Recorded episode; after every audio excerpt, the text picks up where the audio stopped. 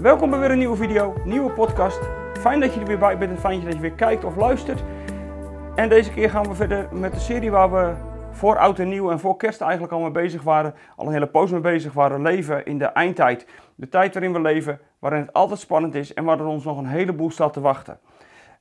En daar gaan we deze keer weer mee verder. Vandaag openbaring 10. Dat uh, hebben we de vorige keer, uh, daar zijn we vorige keer gestopt. Dus daar gaan we nu in ieder geval verder. Mijn naam is Theo de Koning van eindeloosgelukkig.nl en bij Eindeloos Gelukkig hebben wij het grote verlangen dat iedere gelovige een krachtige discipel van Jezus zal zijn in deze wereld, die zijn koninkrijk brengt en zijn meester volgt. En we bemoedigen je in deze serie, juist in deze eindtijd, waarin zoveel op ons afkomt, bemoedigen we je met de woorden uit het boek Openbaring, zonder er gelijk een puzzel van te maken. En je komt er vandaag achter dat je er ook geen puzzel van kan maken. Ik heb het natuurlijk al vaak gezegd. Je kan van dat boek Openbaring gewoon geen puzzel maken. Je kan, je kan niet zeggen van dit hoort bij dat. En, en als je dat allemaal zo aan elkaar hebt, dan, nou, dan, dan is de puzzel compleet. Je kan er niet uitkomen. En dat zul je vandaag zien. Want je zal er vandaag zien dat er puzzelstukjes ontbreken. Nou, daar wil ik je vandaag graag in meenemen. Je hoort ondertussen aan mijn stem dat hij niet helemaal geweldig is. Ik heb uh, een aardig verkoudheidsvirusje achter de rug. Gelukkig wel een negatief virusje, zullen we maar zeggen. Dus dat is alweer positief. Maar, nou ja, vervelend. En daardoor is mijn stem niet helemaal geweldig. En ben ik er ook achter gekomen dat als ik langer dan een kwartier praat, dat er zomaar een kriebelhoestgevoel kan opkomen dat niet meer te onderdrukken is. Nou ja, we gaan van vandaag wel even zien hoe dat gaat.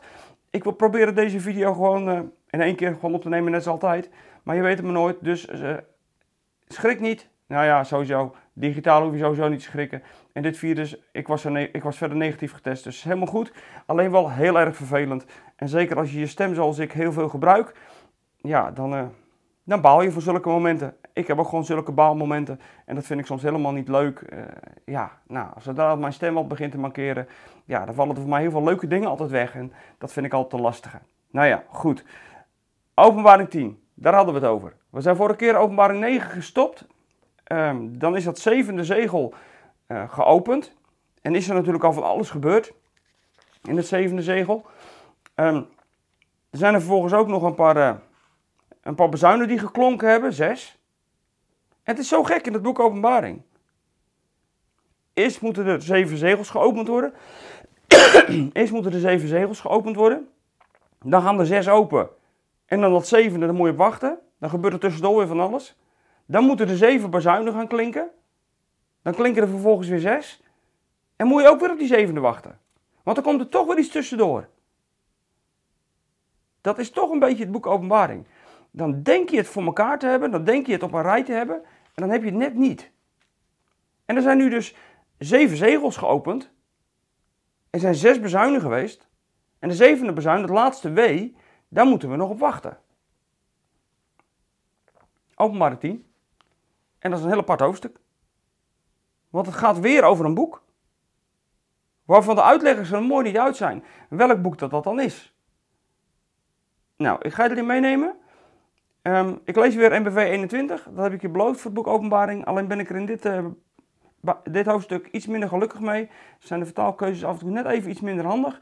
Dus ik zal wel aangeven waar dingen, naar mijn idee, uh, anders vertaald of beter vertaald hadden kunnen worden gaat over twee punten waar het gewoon echt heel opvallend is. En waardoor dat je ook zomaar de verkeerde kant opgestuurd zou kunnen worden. Maar laten we het eerst maar lezen met elkaar, openbaring 10. En dan gaan we met elkaar door dit hoofdstukje heen. Niet, niet zo heel groot hoofdstuk. Maar er is wel genoeg over te zeggen. Openbaring 10, vanaf vers 1. En ik zag een andere, machtige engel uit de hemel neerdalen. Een wolk omhulde hem.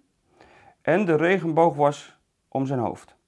Zijn gezicht was als de zon. En zijn benen waren als zuilen van vuur. Hij hield een kleine boekrol geopend in zijn hand en hij zette zijn rechtervoet op de zee en zijn linkervoet op het land. En hij riep met luide stem, zoals een leeuw brult, en daarna lieten de zeven donderslagen hun stem horen. Ik wilde opschrijven wat ze gezegd hadden, maar een stem uit de hemel zei tegen mij: Wat de zeven donderslagen gezegd hebben, moet je geheim houden. Schrijf het niet op. Hier schrijft de herziene staatvertaling overigens, en dat is denk ik een veel betere vertaling, omdat het woord er gewoon in het Grieks letterlijk staat. Uh, dat geheim houden hier, je moet de woorden verzegelen en ze niet opschrijven. Dus daar moet een zegel overheen, waardoor het ook werkelijk niet geopend zou kunnen worden zonder dat het openbaar zou kunnen worden. Toen hief de engel die ik op de zee had zien staan en op het land had zag staan, zijn rechterhand op naar de hemel en hij zwoer, zo waar de schepper van de hemel en alles wat daarin is, en van de aarde en met alles wat erop is, en de zee met alles wat erin is, tot een, tot een eeuwigheid leeft. Het is de hoogste tijd. En op het moment dat, de zeven, dat het zevende, de zevende engel zijn bazuin zal laten klinken, zal Gods geheim werkelijkheid worden, zoals hij zijn dienaren, de profeten, heeft bekendgemaakt. In dit zevende vers, daar vertaalt de herziene en ook andere vertalingen en ook het Grieks, is dit eigenlijk gewoon onontkoombaar. Dit, op het moment dat de zevende engel zijn bezuin zal laten klinken, dat het gaat over de tijd dat de zevende engel zijn bezuin zal laten klinken. Dus waarschijnlijk is die bezuin van die zevende engel, als je het Grieks leest, een periode. Dus er komt nog een periode aan waarin dat zevende week komt. En dat zevende week is niet één moment, maar dat zal dus een periode zijn. Nou, dat is goed om ook deze vertaalkeuze vast even mee te nemen in je denken. Want daardoor ja, staat er toch wel even iets anders. En is die zevende engel die nog moet bezuinen, die staat in een iets ander perspectief. Vers 8. Toen hoorde ik opnieuw die stem uit de hemel en hij zei tegen me, haal de geopende boekrol die de engel die op, het zee, eh, die op de zee en op het land staat in zijn hand heeft. Ik ging naar de engel toe en ik vroeg om het boekje en hij antwoordde, neem het en eet het op. Het zal branden in je maag, maar in je mond zal het zo zoet zijn als honingen. Ik pakte het boekje aan en at het op. Het smaakte zoet als honing. Maar nadat ik het had opgegeten, brandde het in mijn maag. En toen kreeg ik te horen: Je moet opnieuw profiteren over talrijke landen en volken. Over mensen van elke taal en over veel koningen. Dit is hoofdstuk 10 van, openbaring, van het boek Openbaring, hoofdstuk 10. Ja, wat moet je er nou van zeggen? Nou, het verhaal stopt dus weer even, omdat die zevende engel nog niet gaat bezuinen. Dat zevende wee, dat verschrikkelijke wat nog moet komen. En wat dus een periode is, er staat nog een periode van verschrikking te wachten die alles zal overtreffen wat we tot nog toe al hebben gehad. Ineens kom je dan hoofdstuk 10 tegen. En dat hebben we al vaker gehad. Dat er ineens een soort intermezzo is. En dat is ook een intermezzo dat er op een bepaalde manier echt nog wat toe doet. Het geeft geen antwoorden per se op, op wat gezegd is of wat nog gezegd gaat worden. Maar ineens is er een intermezzo zoals dit. En het, het valt op dat er dus puzzelstukken zijn van die eindtijd, die Johannes dus wel weet.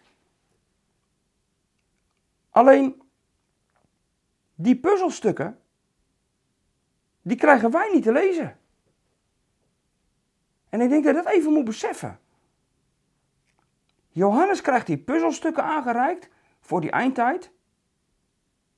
En die mag hij niet delen.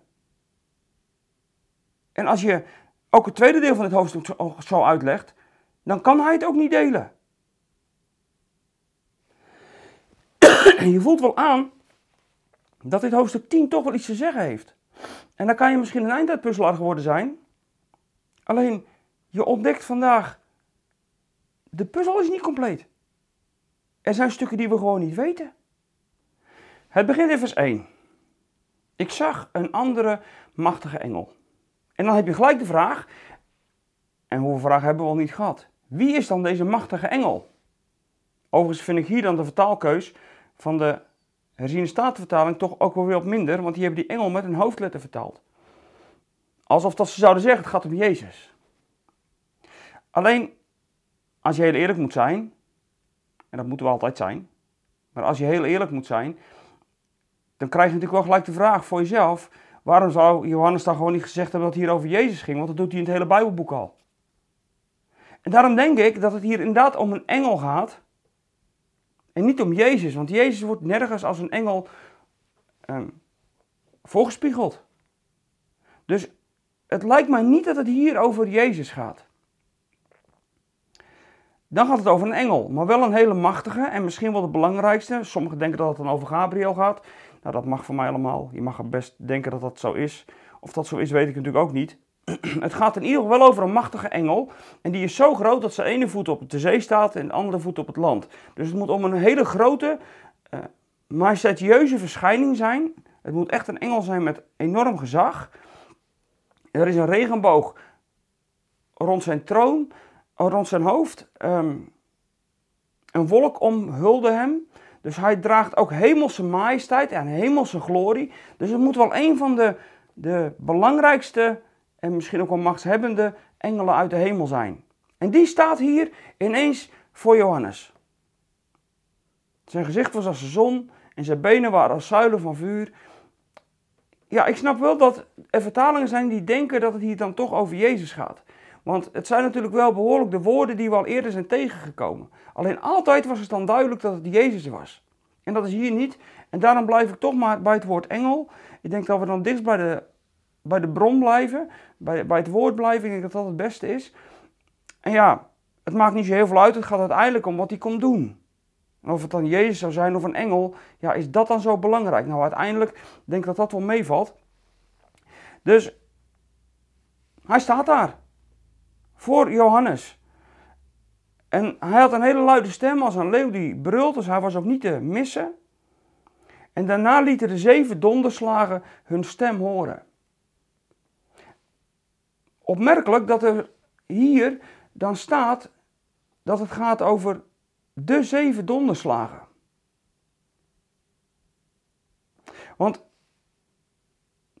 dat heeft ook te maken met wat er op dat moment dus te horen is. Maar wat zijn dan die donderslagen? Het feit dat er een voorzetsel meekomt bij deze, bij deze donderslagen, lijkt dat de lezers van die tijd geweten moeten hebben wat die donderslagen zijn geweest. De donderslagen. Dat moet misschien wel iets heel bekends geweest zijn, maar voor ons is dat niet duidelijk. En als je even nog daarvoor las, als het dan toch over uh, voorzetsels en lidwoorden gaat, ik zei net voorzetsel, maar dat is lidwoord natuurlijk. Eh, het lidwoord van, uh, van de donderslagen. Als je even daarvoor nog, dan staat die engel daar met een boekrol in zijn hand. Daar staat niet de boekrol. Dus het is de vraag, wat heeft hij daar nou in zijn hand? En hoe belangrijk is dit nou voor ons om dat dan weer te weten? Want ook dat wordt niet duidelijk. Alleen daar komt er geen lidwoord mee. Dus het is niet de boekrol, als zijnde dat het de boekrol zal zijn die al met die zeven zegels, die al geopend is. Het lijkt hier dus om een nieuwe boekrol te gaan. Misschien is die identiek geweest, maar in ieder geval staat er niet dat het de boekrol is. Ook in het Grieks is hier het lidwoord er niet bij. Wat bij die donderslagen dus wel zo is. Er wordt dus een boodschap aan Johannes gebracht. En dat begint niet met het boekje, niet met die boekrol, maar het begint met die donderslagen. Johannes ziet die engel, die heeft een boekrol en die boekrol komt straks wel. Maar het begint met donderslagen, zeven stuks. En dan denk je, gaan we dan weer aftellen? Krijgen we na elke donderslag weer wat? Nou, dat is niet zo. Johannes hoort ze en hij blijkt ze dus te kunnen verstaan. En dan komt het aparte.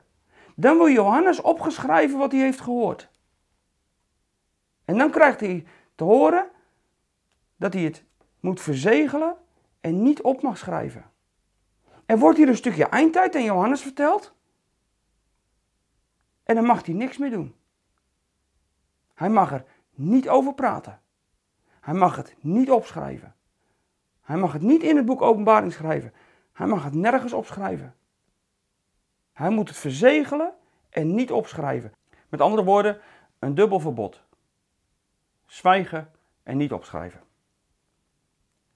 Dat betekent dus dat er puzzelstukken voor ons zijn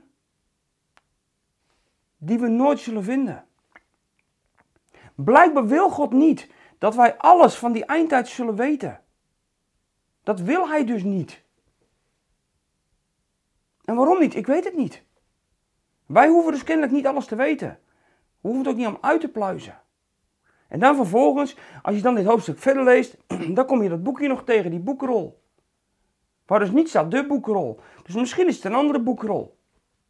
Daar ga ik wel van uit. Want anders had er absoluut een lidwoord bij gestaan.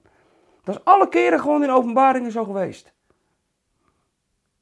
Als het bekend is, dan is het de, nou ja, de, de donderslag en had het hier geweest de boekrol. Dat is het niet.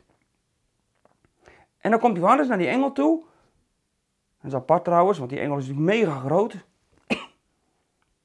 En ondanks dat hij mega groot is, kan Johannes er gewoon naartoe lopen. Hij staat op de zee en op, op het land. Maar ja, het is natuurlijk een visioen. Dus het probleem van de kleine Johannes en die grote engel is helemaal niet aanwezig. Dat is voor ons, als we het in een verhaal zouden willen hebben, wel. Maar op het moment dat we in het visioen blijven, is het probleem natuurlijk niet aanwezig. En dan pakt hij die boekrol aan. En dan zou je denken van, nou, dan gaat hij nu even lezen wat er staat. Of krijgen wij het te horen? Nou, niks van dat alles dus. Misschien dat we zelfs wel moeten zeggen, niet alleen die zeven donderslagen, daar weten we niks van. Maar dit boekje, Johannes moet het opeten. En het wordt dan bitter in zijn buik en zoet in zijn mond. Nou, wat dat bitter en zoet dan precies te zeggen heeft over die inhoud. Ik denk als je het moet verteren, dat dat heel pittig is. En dat als je het even mag uitspreken, dat het ook iets heel moois is. Zoiets zal het zijn. En wat moet Johannes hier nou mee doen? Waarom moet hij het opeten? Ja, dat is een hele lastige vraag die, die de tekst niet als een antwoord zal geven. Waarom? Waarom moet hij dit opeten? Of betekent het, en daar neig je dan toch wel het meest naar, dat Johannes die boodschap die in dit boekje staat, dat hij die zich zo eigen moet maken, zo van zichzelf, dat vooral, dat overal waar hij nog komt, of overal waar hij nog, op welke manier ook, dat hij nog een boodschap mag doorgeven, dat deze boodschap hem helemaal eigen is. Het is ook wel duidelijk daarmee, en dat kom je in vers 11 tegen, als Johannes de opdracht krijgt om nog weer te gaan profiteren, dan is het wel duidelijk dat het er nog lang niet op zit voor Johannes. Ondanks dat Johannes het allemaal te zien krijgt, en dan denkt Johannes misschien nog wel van, nou, we schieten op, Jezus komt zo terug. Maar hij krijgt ondertussen nog wel de boodschap, gaan we door hem profiteren. Want als je dan vers 11 leest, toen kreeg ik te horen, je moet opnieuw profiteren over talrijke landen, volken, mensen, van elke taal en veel koningen. Maar even eerlijk, in het boek Openbaringen komen we dat allemaal niet tegen. Dus waar heeft Johannes dat dan nog gedaan? Daar weten wij in ieder geval niks van. Dus het boek Openbaring, wat voor Johannes misschien ook wel een verlangen was, van nou als dit dan achter de rug is, dan is alles voorbij. Daar heeft voor Johannes ook nog een staartje aan gezeten. Want vers 11 blijft wel overeind staan. En misschien is dat hetzelfde staartje wat jij hebt. Dan heb je straks het hele boek Openbaringen begrepen. En denk van nou Jezus, kom nou maar alsjeblieft. Hou even. Want je moet nog profiteren. Over landen, volken, mensen, talen. Je moet nog, je moet nog gaan spreken. Je moet datgene wat op je hart ligt, datgene wat je hebt opgegeten uit dat woord van God, en dat is misschien bij jou niet zo specifiek als die boekrol hier bij Johannes, maar dat moet je nog doorgeven zolang de tijd nog loopt. Misschien zelfs wel in die periode van die zevende bezuin. Wat nog moet komen. Maar in ieder geval, je moet dus nog blijven profiteren.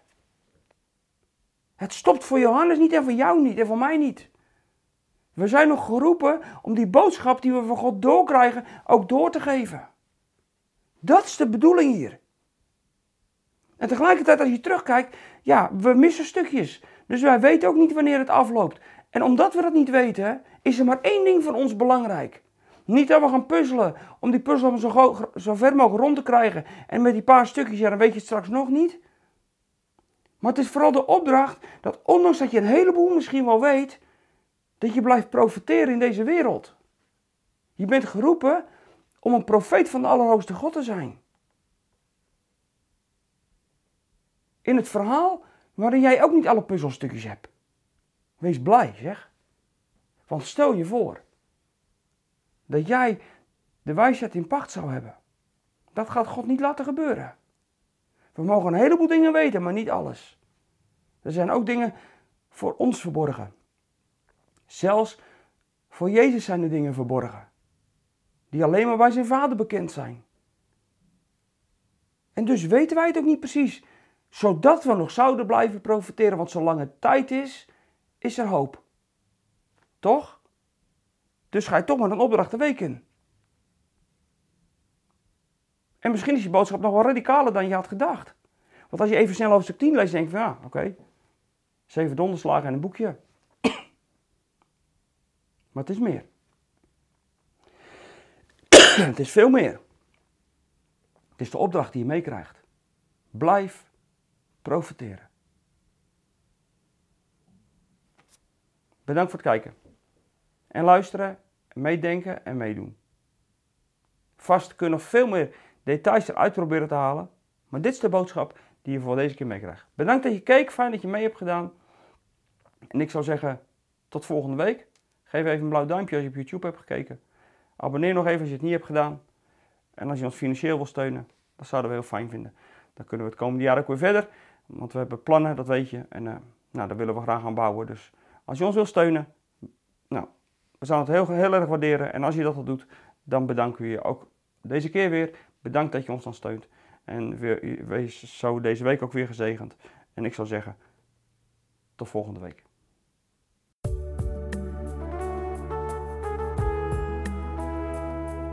Zijn er weer aan het einde van deze podcast. Spreken deze podcast je aan en wil je ons met de gift ondersteunen? Kijk dan voor meer informatie op www.eindeloosgelukkig.nl slash podcast.